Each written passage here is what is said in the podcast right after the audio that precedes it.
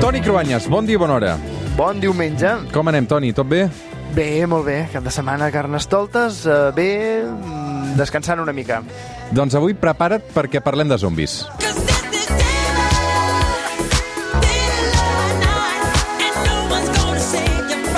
Ben bé que aquesta cançó no caduca, eh? perquè és uh, parlar de zombis i sempre surt Michael Jackson, però és que la cançó és tan extraordinàriament bona i està envellint tan bé, no?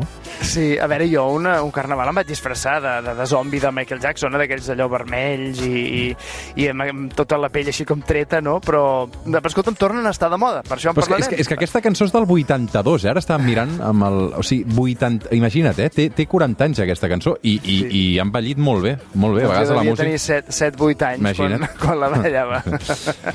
Però els zombis tornen. Eren Tornen, els zombis tornen. dels 80 i tornen, perquè ara la sèrie aquesta de més impacte, que aquestes setmanes la gent en parla, de Last of Us, eh, arriba a tot el món a partir de la plataforma HBO Max i va de zombis. If you don't think there's hope for the world, why bother going on? Com explica el Toni, això és The Last of Us, HBO Max, una sèrie basada en un videojoc. És una història de supervivència eh, a una pandèmia mundial, eh? ens sona una mica això. En aquest cas, per això provocada, és una mica ridícul dit així, eh? però eh, és bastant... Si mires la sèrie hi entres una mica.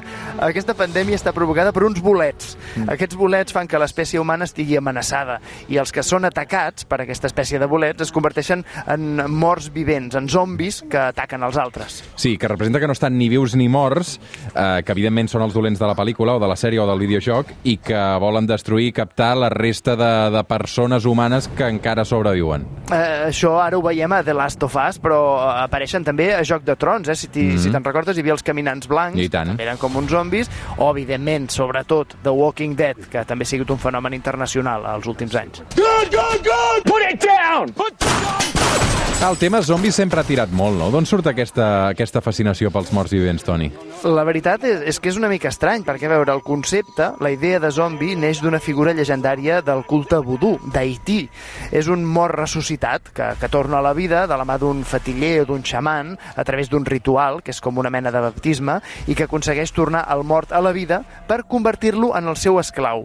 Així, els zombis no tenen voluntat pròpia, sinó que obeeixen cegament a aquell que els ha tornat la vida. Clar, aquesta història, encara que és màgica o religiosa, està fora de la realitat, però s'entén molt bé en el context social d'una societat com Haití, o també dels Estats Units de fa dos segles, en què la població negra era esclava i, i hi ha grans desigualtats econòmiques. Per tant, eh, la idea que els zombis siguin esclaus d'algú pren tot el sentit sobre una realitat en què la gent sí que vivia amb esclaus en el seu dia a dia.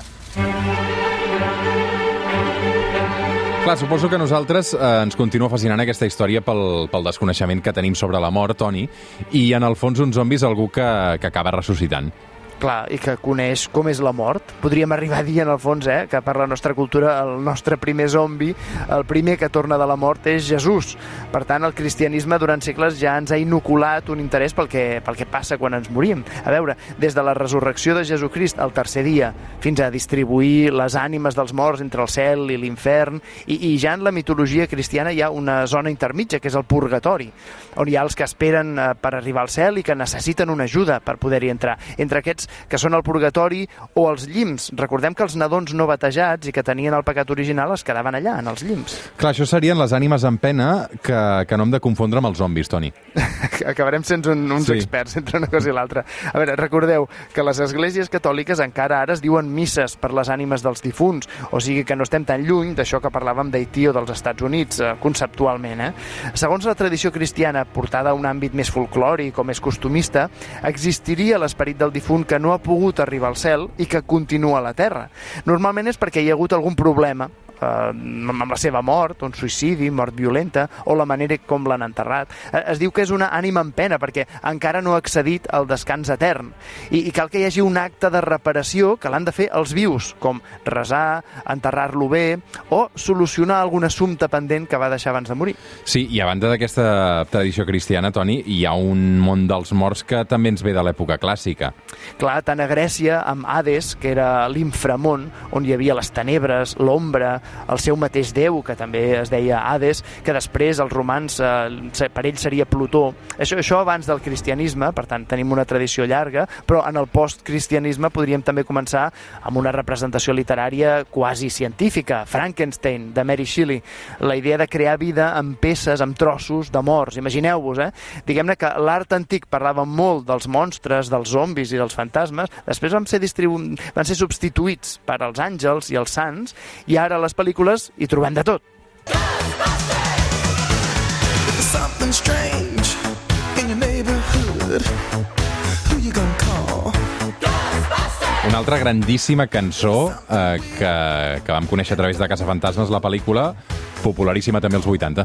Eh, és que, curiosament, els monstres, els zombis, els fantasmes, al segle XX, al segle de la ciència, eren considerats protagonistes indignes de, de l'art culte o fins i tot de l'art de masses. Però en els últims anys, les històries de zombis han passat de ser un gènere per una minoria, el gore o, o pel·lis de sèrie B, a ser dignes de pel·lícules i sèries de grans pressupostos, com, com Guerra Mundial Z o de la que parlem aquesta setmana, de Last of Us. Toni Cruanyes, que tinguis molt bon diumenge. Moltes gràcies. Avui amb Casa Fantasmes fins les 9 del matí. Vinga, bon diumenge.